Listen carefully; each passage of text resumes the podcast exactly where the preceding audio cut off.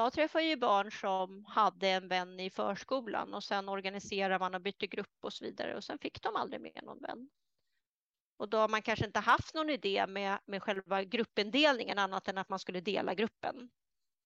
Det finns en massa beslut vi tar som vi måste fundera på utifrån vad det, vad det finns för risker med det och vad i sådana fall vi vinner.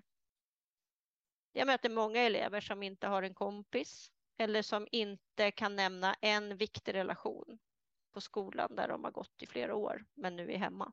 Idag, Anna Borg, erfaren lärare, specialpedagog och rektor som sedan många år har arbetat med att utveckla arbetssätt så att undervisningen ska fungera för alla elever. Till exempel var hon med och skapade Nytorpsmodellen i Salem utanför Stockholm.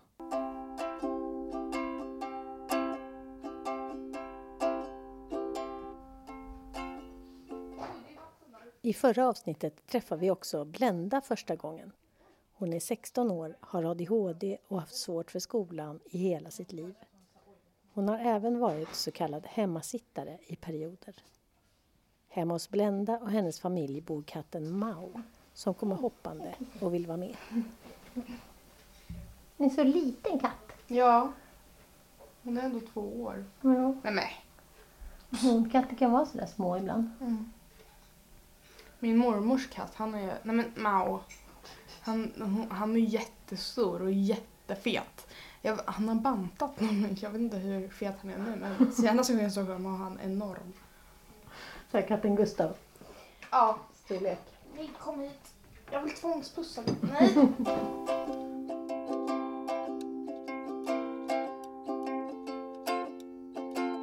Jag läser med ögonen men inte med hjärnan. Så jag sitter och läser och läser och läser. Sen så fattar jag bara, jag, jag minns inte någonting av det jag precis läste. Så då måste jag gå tillbaka en sida och läsa om den igen. Så måste jag förmodligen läsa om den typ tre gånger innan jag kan eh, fortsätta. Så när jag var liten då läste jag den röda pyramiden. Jag tror det tog tre år för mig att komma halvvägs. Det går lite snabbare att läsa ljudböcker. Precis, det går mycket snabbare. För då är det ju någon som eh, läser åt mig så då kan jag bara ta in det.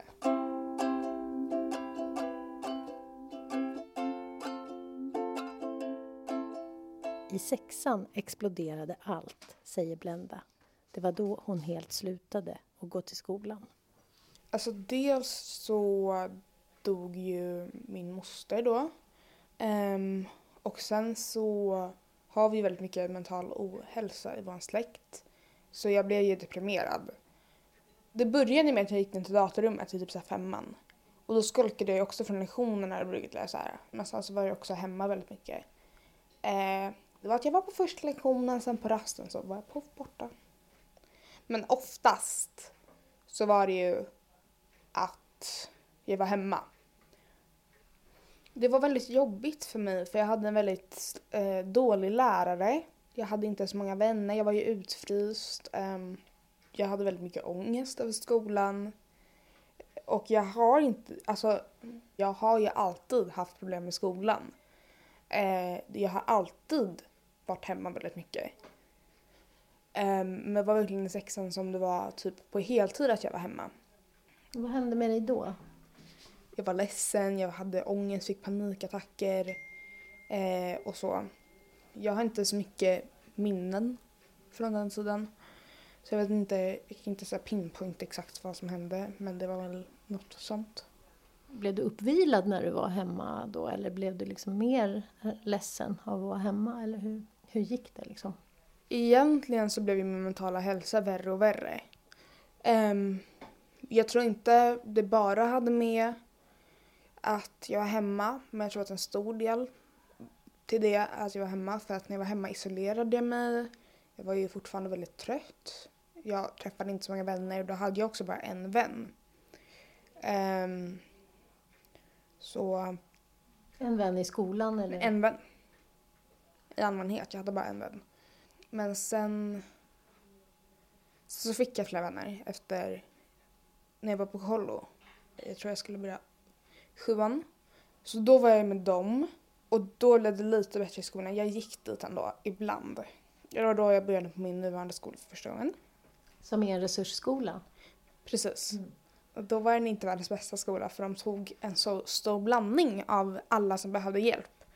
Så det var liksom, det kunde vara allt från alkoholister som däckade i soffan till folk med verkligen grov autism så de inte kunde vara med folk alls. Och folk som bara hade svårt med skolan. Det har ju blivit bättre nu, men då var också lärarna väldigt så här, äh, de såg på en som ett litet barn.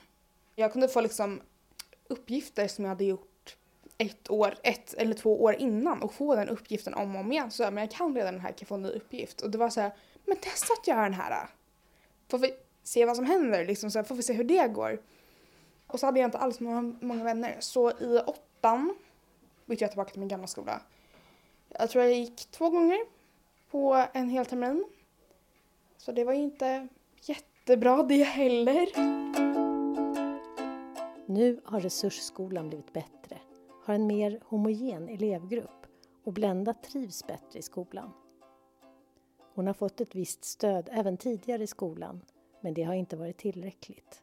Lediga dagar, det har jag fått.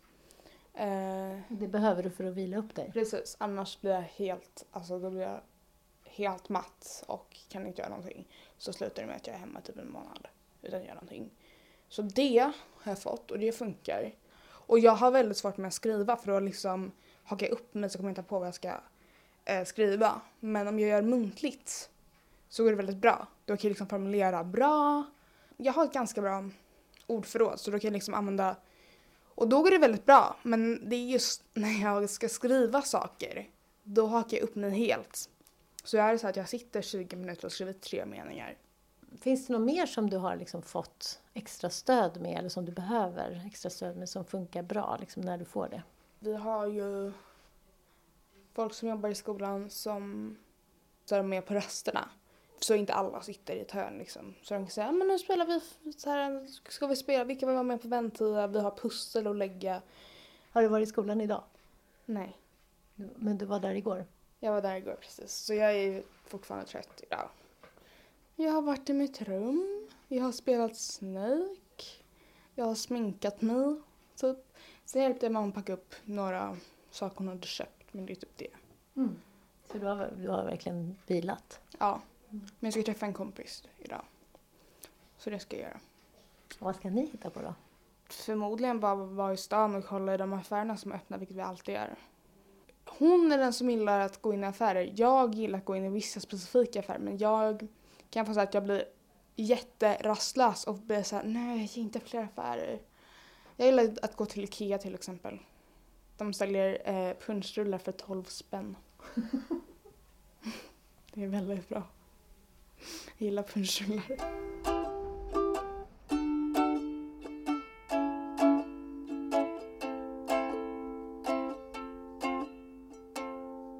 Anna Borg är lärare och har lång erfarenhet som rektor. Hon har forskat kring neuropsykiatriska funktionsnedsättningar och särskilt stöd i skolan tillsammans med bland andra professor Sven Bölte som driver Center för neuropsykiatri vid Karolinska institutet KIND. Efter fem år där så är jag fortsatt anknuten på KIND men jag jobbar också på en skola i Stockholm 40 procent och har en examen i specialpedagogik men har också ett ett företag som jag gör många insatser runt om i Sverige i då. Vad tänker du? Tycker du att det finns liksom en, finns det något rum, space och intresse liksom för frågorna? Alltså problematisk skolfrånvaro, eh, neuropsykiatriska funktionsnedsättningar och svårigheter att få rätt stöd i skolan och så. Jag tycker att det är ett högt intresse för frågorna för tio år sedan skulle jag säga att kanske de här frågorna inte fanns. Men idag gör de ju det. Men däremot så saknar jag framgång i frågorna. Alltså vi har inte gjort så mycket mer av den mängd ny kunskap som vi ändå har idag. Om vi tittar på olika undersökningar som visar exempelvis hur elever inte klarar skolans mål som har neuropsykiatriska funktionsnedsättningar som är ju inte en liten andel. Så, jag, så det finns en hög grad av engagemang i de här frågorna. många som vet mycket och delar med sig av kunskap, men vi har inte lyckats implementera kunskapen på ett sätt i skolan, anser jag, som hjälper de här eleverna på ett bättre sätt. Har du någon teori om varför? Varför man inte lyckas med det då? Trots att det finns så mycket kunskap nu. Eh, nej men dels är ju kunskap kunskap så att säga. Och eh, för att kunskap ska bli till förståelse och implementeras så måste man ju göra något med kunskapen. Så det räcker inte med att eh, jättemånga går och vet en massa saker om man inte försöker sig på att implementera det. Och jag tänker att ibland kanske kunskapen om exempelvis neuropsykiatriska funktionsnedsättningar som har blivit, tycker jag, både mer allmän och mer lättillgänglig har blivit också ett sätt att förklara varför man inte kan ta hand om det i skolan. Det, det är liksom, ja, mm. det, det, istället för att eh, kunskapen leder till att vi försöker förstå vad det menas i relation till pedagogiska behov och sen jobba med det, så kan det bli ett sätt att förklara bort varför man inte då jobbar med de här frågorna. Och hur går det till? Jag tänker så här, ur min egen personliga erfarenhet så har det varit så till exempel på att när min son gick i skolan, eller hade svårt i skolan när han var liten, han har ADHD och autism. Då så sa de skolan att ah, han måste utredas, han måste utredas, han måste utredas. Och så gjorde vi en sån utredning. Och så kom de fram till att han hade ADHD och autism. Och då sa de, ah, nej men det kan inte vi hantera. är det så det går till menar du? Eller liksom, alltså jag tror det, som... det är ett svar på frågan om varför vi inte tar oss vidare till att få till bättre undervisning, mer inkludering, eh, högre tillgänglighet för alla elever trots att vi vet mer. Att vi eh, kanske också i skolan har fokuserar mer på diagnos än att förstå behov. Och jag, tror, jag kan tänka ibland att vi ehm, med den här kunskapen har virrat bort oss lite i det. Vi träffar ju barn som kan både ha och inte ha diagnos, men det viktigaste för oss är ju att försöka förstå oss på vad eleven får för behov i relation till den undervisningssituation eller skolmiljö som eleven är i. Mm. Så att fokus blir på att man ska diagnostisera barnen snarare än vad man ska hur, på vilket sätt man ska hjälpa Ja, det tror barnen. jag är en förklaringsmodell i alla fall. Mm. Ja, och eh, jag tänkte liksom om du, eh, om du vill så tänkte jag att vi skulle göra liksom en liten så här eh, inventering på vad det finns för olika verktyg och metoder som skolor och eh, samhälle kan använda liksom för att underlätta för de här mm. barnen. Eh, men först tänkte jag, alltså för det har kommit väldigt mycket olika politiska utspel nu i valrörelsen. Eh, om liksom att man ska, man ska ADHD-screena alla ungar, mm. det ska vara införas ordningsregler, eh, kontrakt som man ska skriva under. Eh, man ska skapa små grupper, är de jätteöverens om. Att det ska skapas små grupper. Vad tänker du om de här förslagen? Är, är det någon av dem som känns liksom påläst och tillräckligt på något sätt? Eller vad, vad tänker du om alla de här förslagen? Det sista du sa då, om att skapa smågrupper till exempel. Eh, det önskar man ju inte är ett politiskt incitament bara, utan att det är ju vettigt att det finns om det finns behov det, för det på varje skola, alldeles oavsett om man har en neuropsykiatrisk diagnos eller inte.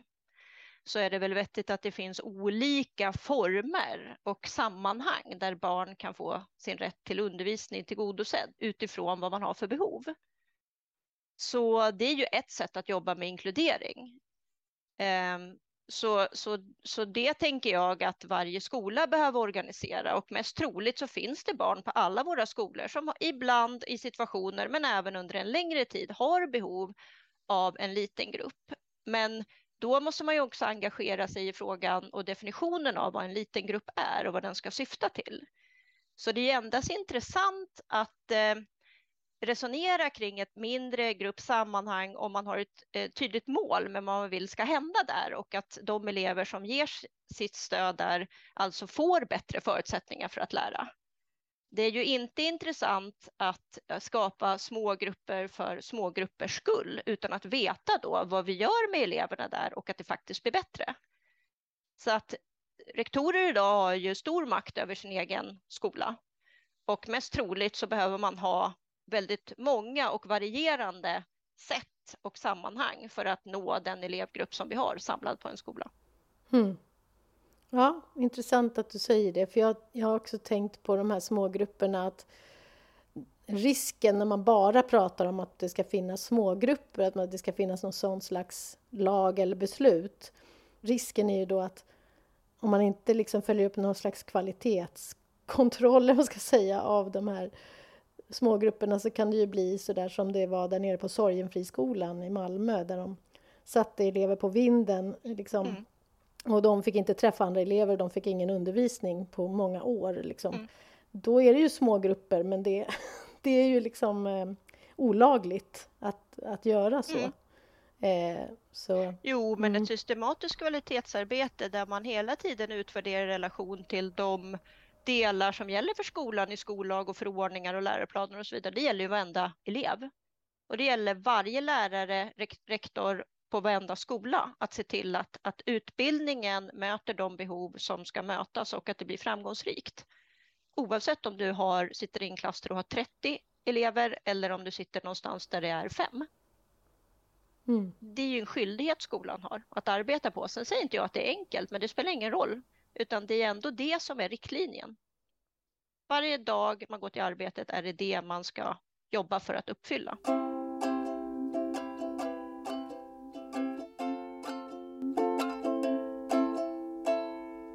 Anna Borg har varit med och utvecklat en metod för att hjälpa elever med problematisk skolfrånvaro i Salem utanför Stockholm.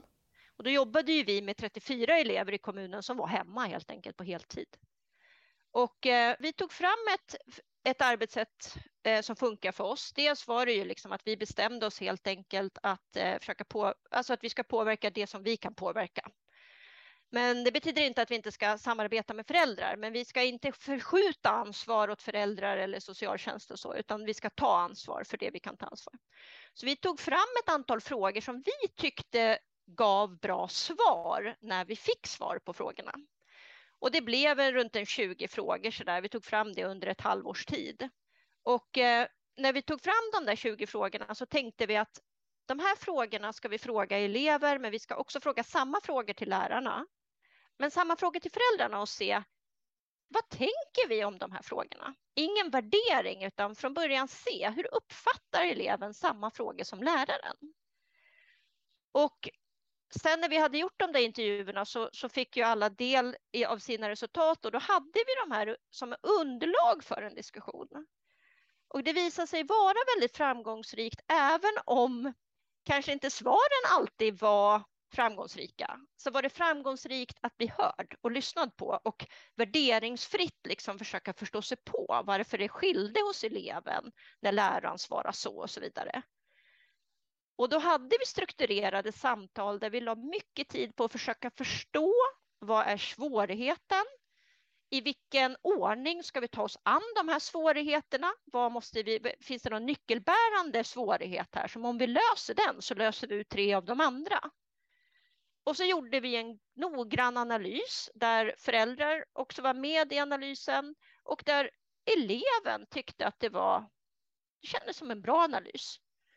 Sen gjorde vi en plan för hur vi skulle eh, ja, genomföra det. Och då kom det heller inte som ett brev på posten för eleverna när strukturstödet kom. Utan då blev det, du vet att på måndag kommer det här att hända. Kommer du ihåg varför det kommer att hända? Ja, därför jag svarade så där. Exakt. Så, så, det här är stödet så att du liksom har koll. Ja, jag ska påminna dig, men, men bara så att du vet. För jag har ju varit med om elever som inte, för, inte tar emot stödet när det kommer, för de har ingen aning om mm alltså att det var ett stöd överhuvudtaget. Nej. De bara, varför ska jag gå till den där konstiga människan i det där rummet? Exakt. Eller, ja. eller att lärare ska göra på ett annat sätt som de inte heller har förstått mm, varför de ska göra. Mm. Så vi la mycket tid på det. Och sen gjorde vi en planering och den var vi alla medverkande i och sen genomförde vi insatsen så som den var planerad. Mm. Eh, och sen utvärderade vi och då gjorde vi om de där 20 frågorna. Vi tittade alldeles okay. extra på vad vi hade prioriterat. Vilken fråga hade vi prioriterat att vi skulle komma längst med? Vad svarar vi idag? Och så vidare. Och eh, gjorde en ny hur summering. Ofta, Ja, förlåt. Hur ofta gjorde ni sådana uppföljningar då? Eller, liksom, eller var det bara en gång? Eller hur Nej, det, det gjorde vi över tid under de fem åren. Jobbar mm. vi med en elev så fortsätter vi göra de här typen av uppföljningar. Därför mm. att eh, utvärderingen kunde ju visa effekterna av ett arbete, men den visar ju mm. också vad vi hade kvar att göra. Så att mm. jobba systematiskt är inte något man gör en gång och aldrig mer, utan det är någonting man gör hela tiden. Mm. Men när vi utvärderade arbetet i Salem till exempel, då gjorde vi det via enkäter men också systematiska intervjuer. Och vi tittar på liksom kvalitativa svar och då är det ju väldigt många, alla faktiskt, av eleverna men också vårdnadshavare och lärare som säger just vikten av att eh, få vara med redan från början och förstå var svårigheterna ligger. Också ökar incitamentet att ta sig an en förändring som blir jobbigt mm. för läraren men den ger något för eleven. Mm. Men om man förstår varför man gör det man gör, då gör man det. Mm. Men om det bara kommer från höger, vänster, vänster, höger, uppifrån, nerifrån. Ja. Då, då, har man, då har man väldigt svårt att göra det av naturliga skäl. Ja, det blir liksom... Man känner sig bara trängd till slut, kan jag tänka mig. Ja.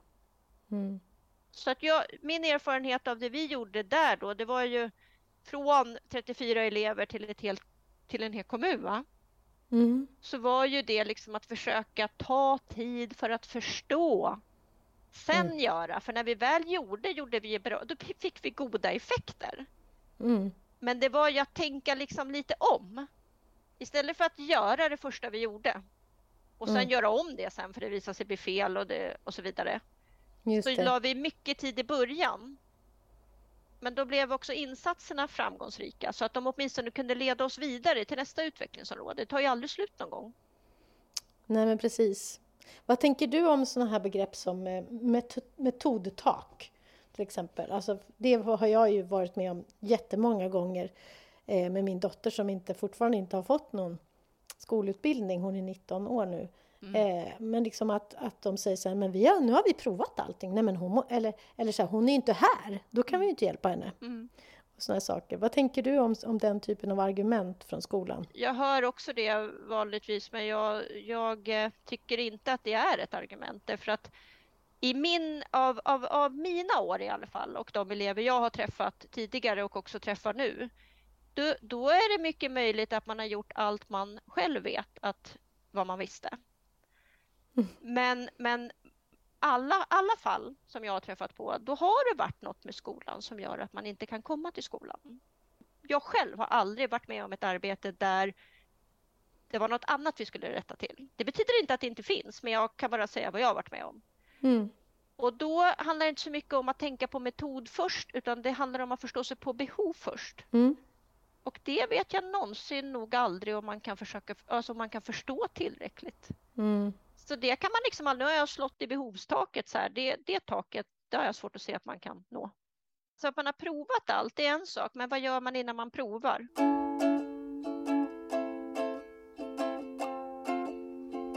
Det var jättetydligt för oss eh, att vi inte hade förstått behov. Exempelvis så, så fick vi fick ju också väldigt mycket stöd av Sven Bölte till exempel i samband med att vi träffade honom och Stig Berggren då, som är psykolog också och eh, jobbar på Kind det var mycket vi inte ens förstod. Va? Det vet, när, när Sven berättade första gången för mig om eh, exekutiva funktioner, då räckte jag upp handen och så sa jag så här, men Sven, så där, sådana krav, att organisera och, och, strukturera och styra sig själv och fatta beslut och, och såna här saker. Det har vi jättemånga höga krav i skolan. Och då stirrade han på mig och frågade mig då, jag var ju rektor då. Ja, varför har du det? frågade han mig. Men jag sa, det vet väl inte jag. Jag visste inte ens att det Jag hade ingen aning om att det ens hette något. Och han blev ju alldeles svettig. Han bara liksom, men det visade sig, vi har inte fått med det där i lärarutbildningen. Det var 4 procent ungefär i vår kommun av alla lärare som hade läst någon poäng om inom kognitionsvetenskap eller neuropsykiatri eller så här, va. Så vi förstod ju inte att det var ett problem. Vi sa ju bara så är det i sjuan, sa vi. Mm. För det står i läroplanen och det är liksom bara så. För att det också var vana att vi bara sa det. Ja. ja. Så, så för mig blev ju där en chockupplevelse liksom att Aha, men då, då måste vi organisera om. Mm. Och han tittade på mig och bara, ja. ja. Självklart liksom. Men vi, men vi fick ju också mer kunskap om området mm. eh, och kunde ju då också förstå varför vi måste ändra på vår organisation. Mm. Eh, och då öka motivationen att vara förändringsbenägna för att vi förstod bättre. Mm. Men det räcker inte med att förstå, man måste också göra. Just den där kunskapen kunde ju hjälpa oss att förstå att vi var tvungna att dröja kvar lite vid behoven. Mm. Inte då bara ge någon en almanacka och säga så här, då har vi läst att det är bra med en almanacka som jag gjorde då, gav en almanacka, för det är en metod. ja. Men om människor inte kan använda almanackan och om incitamentet för att skriva in saker i almanackan inte ens är tydliga, då kan jag inte använda almanackan. Nej. Och jag tror det var det som var nyckeln i efterhand när man tittar tillbaka på vårt arbete i Salem, att vi lärde oss själva en massa saker om hur vi behövde lära ut vad vi kunde lära ut till elever, vad de faktiskt kunde klara av, men också hur vi då var tvungna att organisera det där från början. Mm. För man säger ibland så här att det som är bra för elever med neuropsykiatriska funktionsnedsättningar är bra för alla, brukar man säga. Mm. Och när det gäller exempelvis krav på exekutiva funktioner så stämmer ju det. Mm. Med tanke på att färdigutvecklade har vi ju i frontalloben runt 20 till 25 års ålder och ingen i svensk grundskola förutom vi vuxna är ju där. Nej, precis.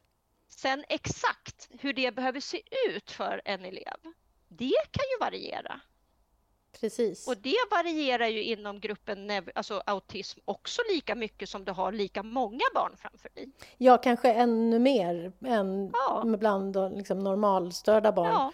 eftersom att eh, barn med neuropsykiatriska funktionsnedsättningar kan ha väldigt olika nivå på sina olika funktioner. Ja. Så att det kan, de kan vara super eh, liksom, duktiga intellektuellt till exempel och sen knappt kunna knyta skorna. Liksom. Mm. Precis.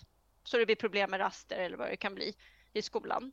Så där, där är det ju verkligen så att jag tror också man måste sätta sig ner. Det, det, måste finnas kunskap eh, på de här delarna, men det måste också vara så att man tar sig tid att förankra dem i en organisation på ett sådant sätt som man börjar organisera efter kunskapen. Mm, mm. Annars är det ändå ingen kunskap. Det är nästan filosofisk tanke. Ja, det kanske det är. Men det går att genomföra. Vad är kunskap? Mm. Intressant.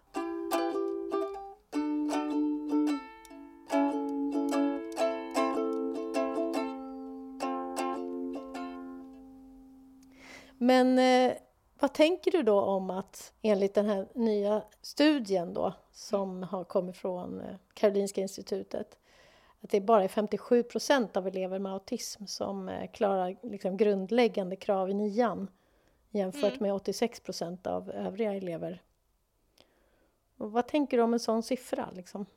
Nej, det är för, det är för, för jävligt. Det är, det är oerhört ledsamt och man får nästan... Det, det, det är ett undermåligt betyg till alla oss som sysslar med utbildning. På många plan då. Eh, och jag tror att det handlar delvis om hur vi organiserar skolan. Det finns för mycket osäkerhetsfaktorer. Det krävs av individer idag att de ska anpassa sig till alla möjliga saker i skolan. Och vi kan i förhand egentligen inte ge besked om någonting. Och det stärker inte möjligheten för människor som behöver en, en tydlig struktur. Eh, de får helt enkelt inte det. Men sen också att kunskapskraven, vi får se här, eh, många de tänker ju att Lgr 22 och det tänker väl jag med att det ska hjälpa oss, men jag tror inte att eh, att vi kommer kanske att se en sån stor reducering om man inte också ser över alltså det komplexa skolsystemet.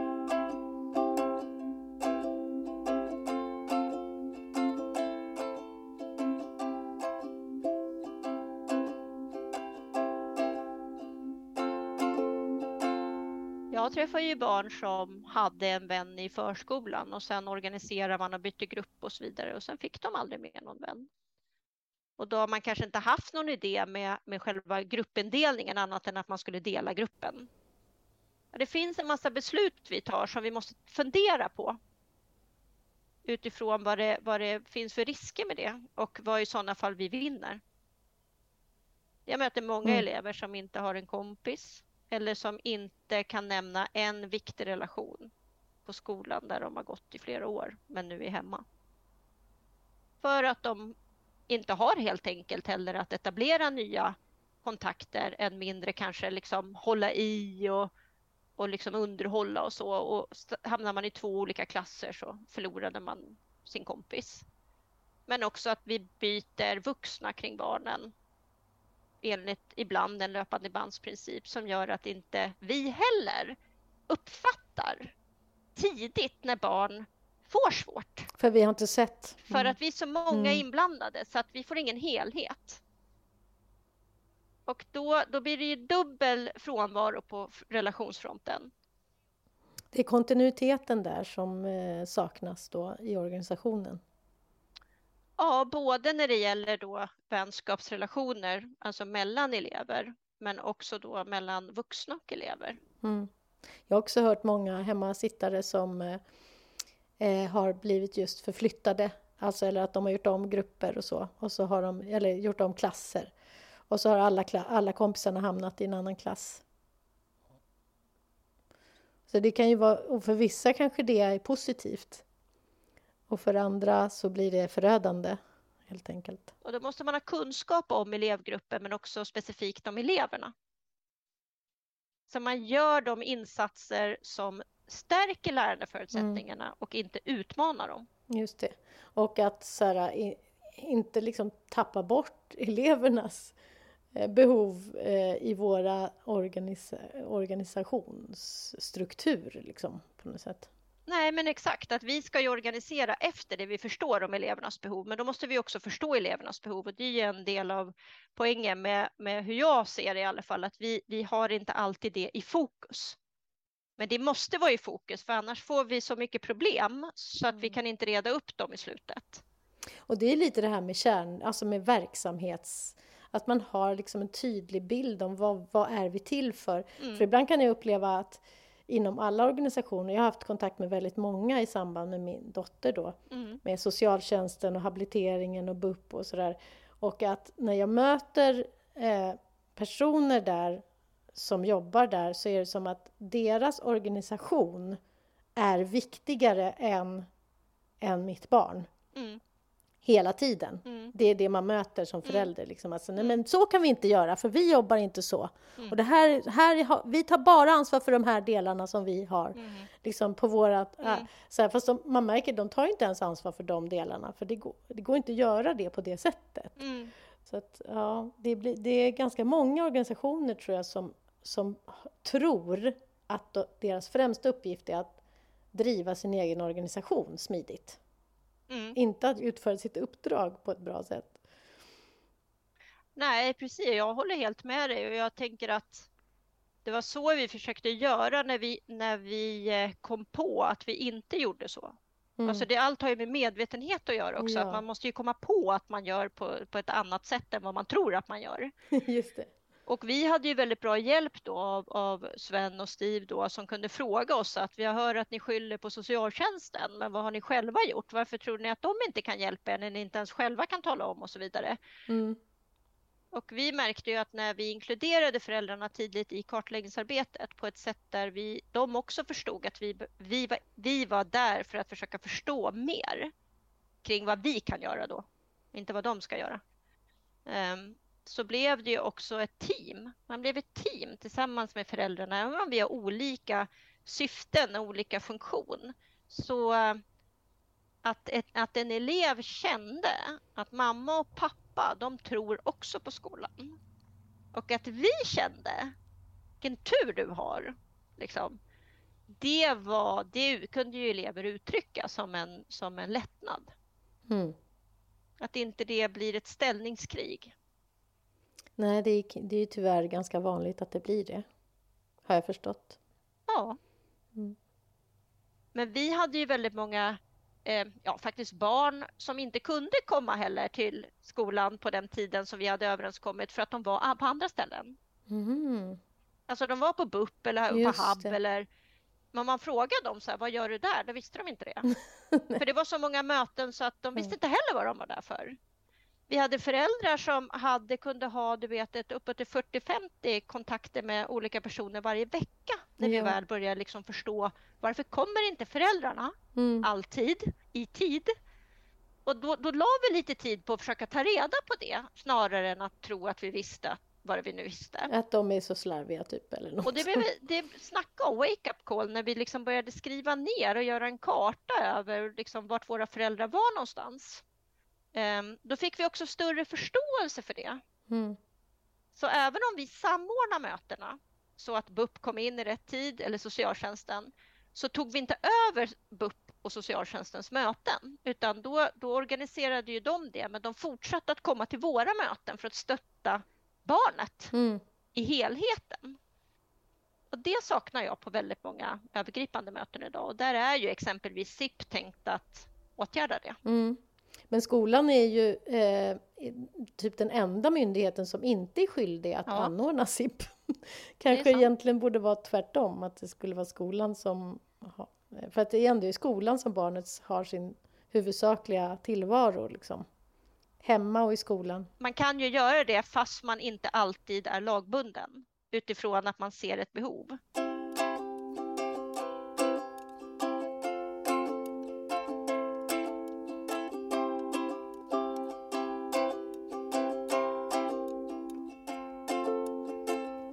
Musik Zelda Bingert och jag heter Johanna Langhorst.